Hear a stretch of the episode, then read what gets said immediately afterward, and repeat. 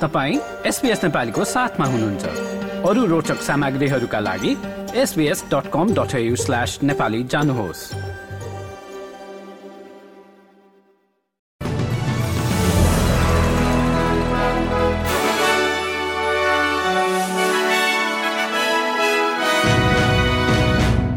नमस्कार आज बिहिबार तेइस नोभेम्बर सन् दुई हजार तेइस अब पालो भएको छ एसपीएस नेपालीमा आजका प्रमुख समाचार छोटकरीमा सुन्ने। प्रसङ्ग सुरु गरौं भिक्टोरियाबाट।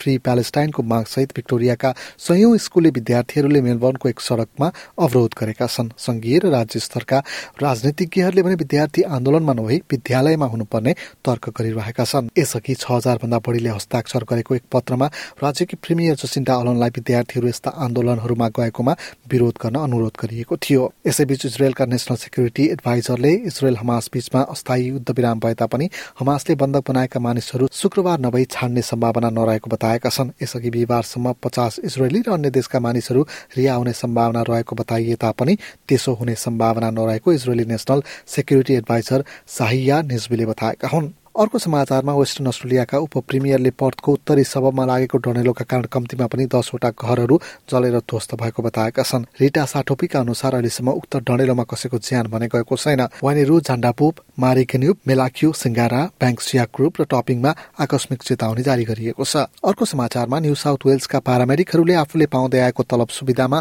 सुधारको माग राख्दै महिनौदेखि वार्ता र हड़ताललाई कायम राखेको भए पनि अहिलेसम्म कुनै सम्झौता हुन सकेको छैन। राज्यका स्वास्थ्य मन्त्री रायन पार्कले युनियनका सदस्यहरूसँगको वार्तामा कुनै पनि समय सीमा राख्न पनि इन्कार गरेका छन्। न्यू साउथ वेल्सको दि अस्ट्रेलियन पारामेडिक्स एसोसिएसनका अनुसार एउटा समूहले तुरुन्तै लागू हुने गरी सात दिने विरोधको तयारी गरेको छ। अर्को समाचारमा राज्य र प्रदेशहरूले यौन हिंसा सम्बन्धी आरोपहरूमा प्रत्येक विश्वविद्यालयमा एकरूपता कायम गर्न जोड़ दिएका छन्। नेशनल स्टुडेन्ट्स अम्बुड्सम्यानलाई समेत यस विषयमा कदम चाल्नका लागि आग्रह गरिएको छ। शिक्षा मन्त्रीहरूले विद्यार्थीहरूलाई सुरक्षित राख्नका लागि एक ड्राफ्ट एक्सन प्लान पनि सार्वजनिक गरेका छन्।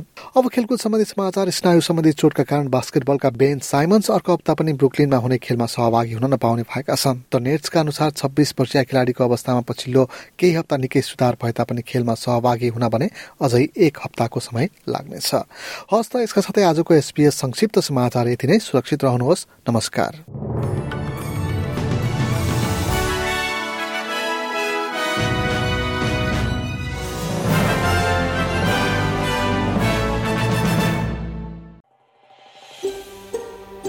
यो जस्तै अन्य प्रस्तुति सुन्न चाहनुहुन्छ। एप्पल पोडकास्ट गुगल पोडकास्ट स्पोटिफाईमा हामीलाई खोज्नुहोस् वा तपाईँले पोडकास्ट सुन्ने अन्य सेवामा।